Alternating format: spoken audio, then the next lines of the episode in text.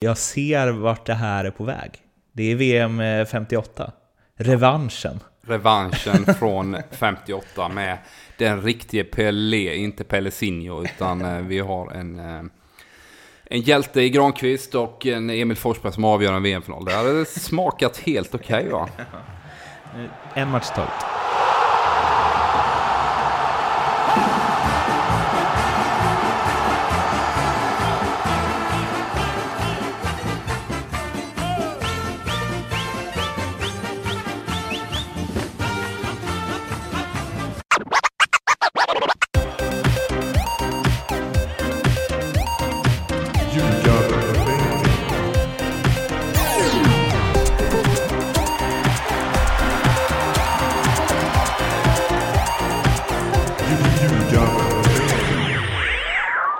Ljugarbänkens VM-podcast är här igen. Det är spelledig dag idag, men vi tar inte ledigt för det, utan vi blickar istället framåt mot fyra av de, nej nej, tre av de fyra kvartsfinalerna. kommer ett eh, specialavsnitt om Sveriges match imorgon där vi ägnar eh, nästan en halvtimme åt att gå igenom den matchen. Ni hittar också en video på Ljugarbänkens Facebook där Erik ritar upp lite taktiska nycklar och annat diverse inför eh, Sveriges match. Men det spelas ju som bekant tre andra kvartsfinaler också och de förtjänar också, inte lika mycket uppmärksamhet, men i alla fall en del uppmärksamhet. Och vi börjar idag då 16.00 så eh, i Nish, Nishny kanske? Vill du rätta det? Nishny Novgorod. Om ni undrar vem det var så är det alltså inte en rysk uttalsexpert utan det är Erik Edman som sitter här bredvid. Man kan förväxla dig med det. Ja, jag är lingvistiskt geni, kan alla språk i hela kan, världen. Kan du inte säga det laget som Micke Svensson spelar i, i Frankrike igen? Estac. Nej. Trois. Trois.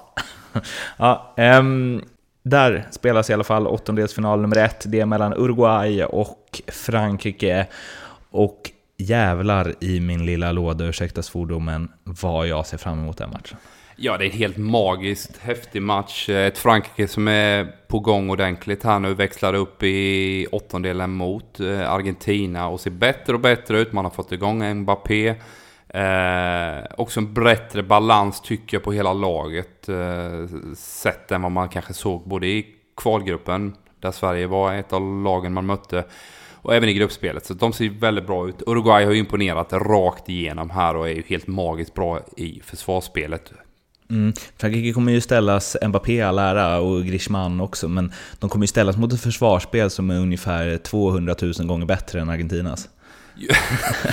Men det, det, är inte helt omöjligt att, att, kunna fixa till ett försvarsspel som är bättre än Argentina. Så det kan, eh, det kan nog Norrby och, och eh, Dalkurd också lösa tror jag. Eh, men Cavani är ju ett frågetecken. Ja, och det är ju väldigt osäkert om man kommer till spel. Jag tror nog ändå man kan lyckas plåstra ihop honom så pass att han i alla fall startar den här matchen. Eh, han och Suarez har varit riktigt, riktigt bra tillsammans. Jag tycker det finns en ödmjukhet mellan dem, samspelthet, lirat ihop i många år i landslaget och eh, ja, ska man ha någon form av forwardsduo, anfallsbesättning eh, och titta sett över hela turneringen så kanske de har varit bäst genomgående, både offensivt och defensivt. Vad, vilka håller du som favoriter? För mig är det här en 50-50 match. Mm. Jag är jätteförtjust i Uruguay, hur de jobbar med små medel, litet land. Dryga 3 miljoner invånare och ändå få fram så pass mycket bra spelare och framförallt leverera resultat varje mästerskap. Det är makalöst imponerande alltså.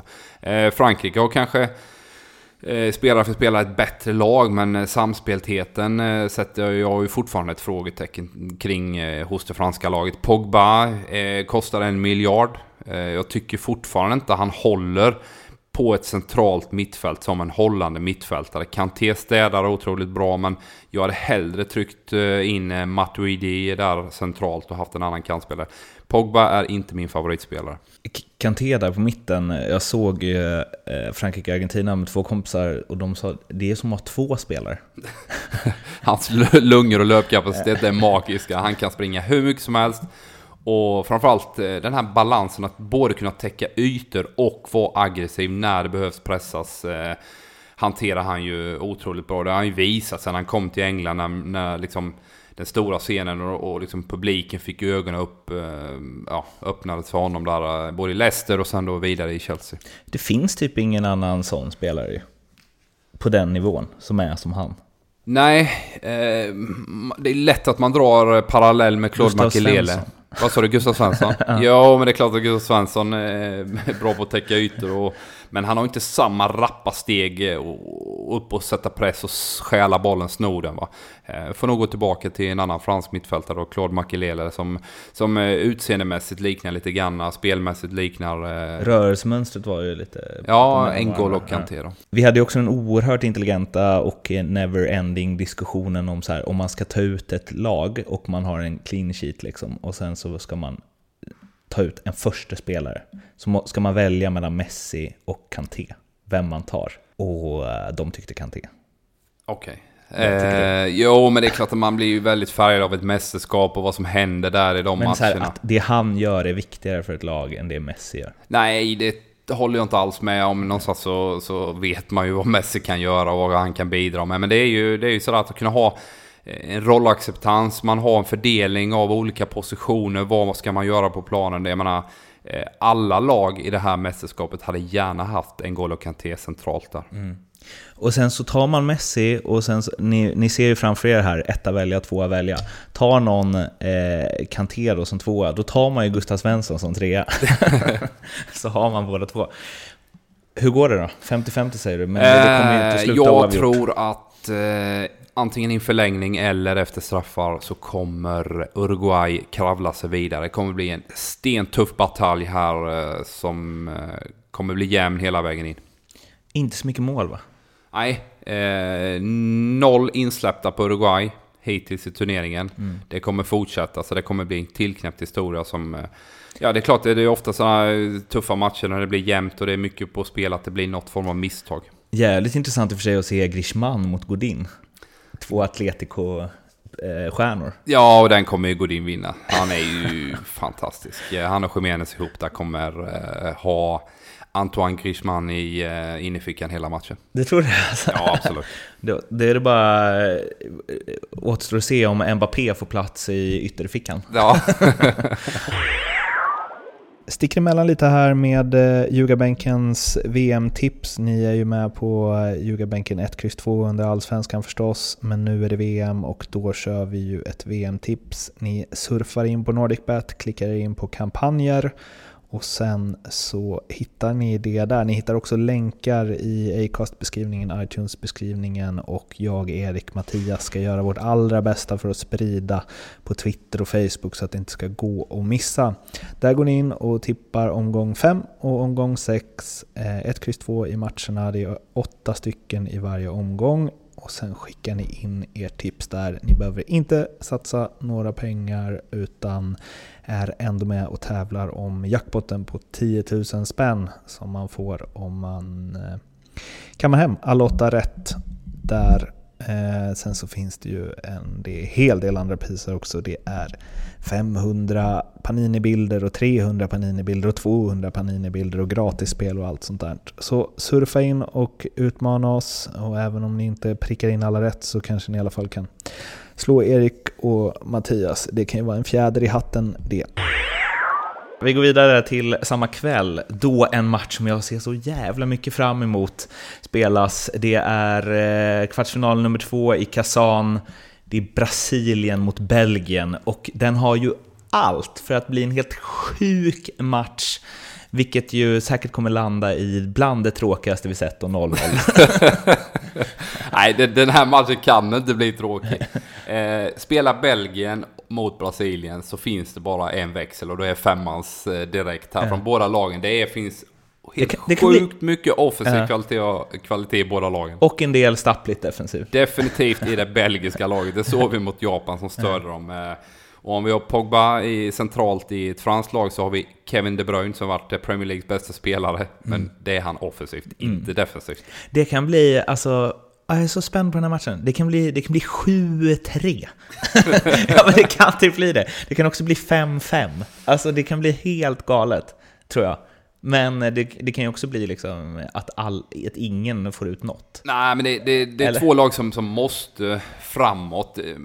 Jag tycker inte något av de här vill eller kan riktigt försvara sig till framgång, eh, likt kanske då det sättet som Sverige och Ryssland har kommit vidare på, när man har ett ramstarkt försvar.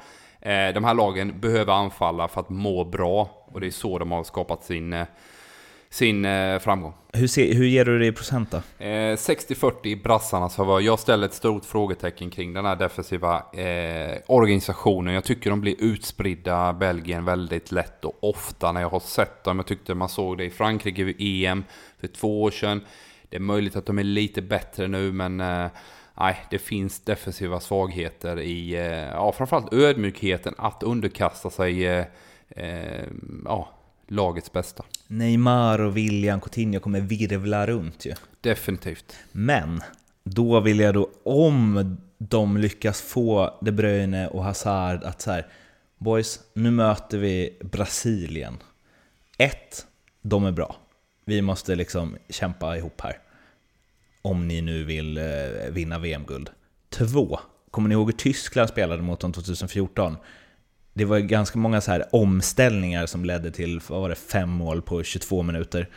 Ehm, och är det någonting Belgien är riktigt grymma på, det såg vi om inte annat sista minuten mot Japan, eller sekunderna mot Japan, är ju att ställa om. Om de kan få De Bruyne, Hazard och alla att göra jobbet, att stänga ytorna och så, så skulle jag säga att det är ett lag som passar Brasilien riktigt dåligt.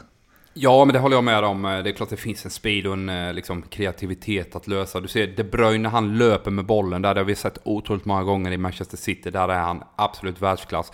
Men jag tycker ändå att Brasilien har en organisation som, som är svår att bryta ner. Casemiro centralt. Eh, har en enda roll. Vi pratar om Kantinan. Mm, Han är ju en sån. han är en liknande spelartyp och även en ganska skicklig bollspelare.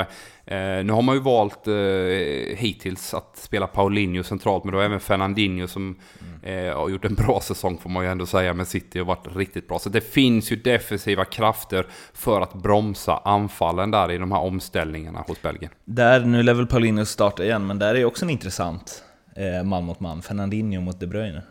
De känner ju också varandra. Ja, det finns lite igenkännings... Eh, Och där Fernandinho är den som är så pass bra på sitt så att De Bruyne kan göra sin grej utan att behöva bry sig om det defensiva. ja, den här rollfördelningen liksom. Det blir Eh, intressant att se dem mot varandra. Ja, det hade varit grymt häftigt. Det är klart. Nu, nu ska du få igen för att du aldrig jobbar hem. Nej exakt, Vad fan jag städar bakom dig hela jävla året. Nu ska du fan få ett par dobbar av mig alltså.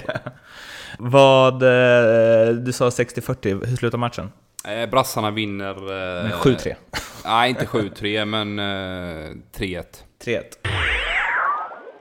Efter att Sverige skickat England tillbaka till öarna så ska man eh, eh, dricka champagne eller vad man nu eh, vill dricka, alkoholfri cider till eh, Ryssland-Kroatien. Ryssland som skrällde mot eh, Spanien, hemmaplan, i, spelar i Sochi mot eh, Kroatien alltså som med nöd och näppe tog sig vidare efter att Kasper Schmeichel till slut släppte in eh, ett mål mer än Kroaternas målvakt som jag inte kommer på namnet på just nu och efter urusla straffar från det danska laget. Ett Ryssland som man tänkte efter Saudiarabien att ja, ja, pisslag de möter, det här kommer aldrig hålla. Jag trodde Spanien skulle krossa dem. Men nu är de här fullpumpade med självförtroende, en hel nation i ryggen mot ett Kroatien med kanske världens bästa innermittfält.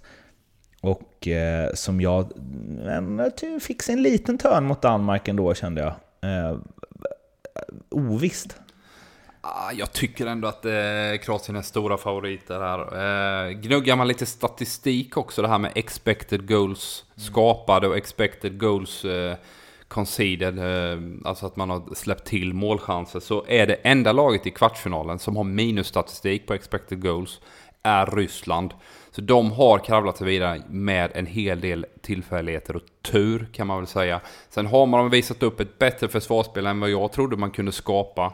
Eh, med en ålderstigen Ignacevic eh, bland annat som har varit väldigt bra. Eh, men här är Kroatien stora favorit tycker jag spelmässigt. Har de imponerat. Visserligen mot Danmark fick man inte ut allting. Men det finns väldigt mycket erfarenhet av eh, fotboll på hög nivå i det här laget. Och det bara kryllar ju av spelare eh, som är världsklass eller nästintill eh, på den stora, stora scenen då. Så att, nej, Kroatien vinner detta. Men det här med att ha hela Ryssland i ryggen då, medgång, hemma-VM, det finns en feeling. Putin har kan- eh, riggat alla matcher och så vidare. Vad, vad är liksom, det kan ju betyda mer än vad man tror. Det kan ju höja några procent. Jo, De det kommer ju slita som djur för Ja, varandra. det är klart det kommer. Och det kommer vara ett och annat domslut som, som går ryssarnas väg med tanke på att man spelar på hemmaplan och har ett tryck med sig. Eh, Men Kroatien är ett nummer större på i stort sett varje position här. Och jag tror definitivt inte man börjar skaka bara för man möter Ryssland. Utan nu kommer man vidare, man har en kvartsfinal. Man suktar efter mer. Man vill ha semi minst. Hur går det? Det blir eh, 1-0 till Kroatien. Ett, ah, de är stora favoriter och vinner med 1-0. Okej. Dubbla budskap här från herr Edman. Nej, jag var väldigt konkret där. De har varit bra defensivt, ryssarna. Eller de har i alla men- fall stängt till. men, de, men det räcker inte hela vägen. Nej, definitivt inte. Nej, okej. Den säkraste 1-0-segern eh, vi hört om. Då blir det alltså Sverige, Kroatien och Brasilien, Uruguay i semi. Ja, det kommer bli kul. Ja, det kommer, det, det, jag ser vart det här är på väg. Det är VM eh, 58. Revanschen. Revanschen från 58 med den riktige Pelé, inte Pelesinho, utan eh, vi har en, eh, en hjälte i Granqvist och en Emil Forsberg som avgör en VM-final. Det hade smakat helt okej va? Nu, En match taget. Ja, eh, ni når oss på eh, Facebook, på Twitter, på Instagram. Ni eh, hittar eh, prenumerationer, eller ni prenumererar på oss på Acast, på iTunes och så vidare. Ni kan den där grejen eh, nu och vi hörs igen i morgon och då ska vi prata i en halvtimme om hur Sverige ska slå ut England och ta sig till semifinal. Tills dess, ha det fint, hej då! Hej då!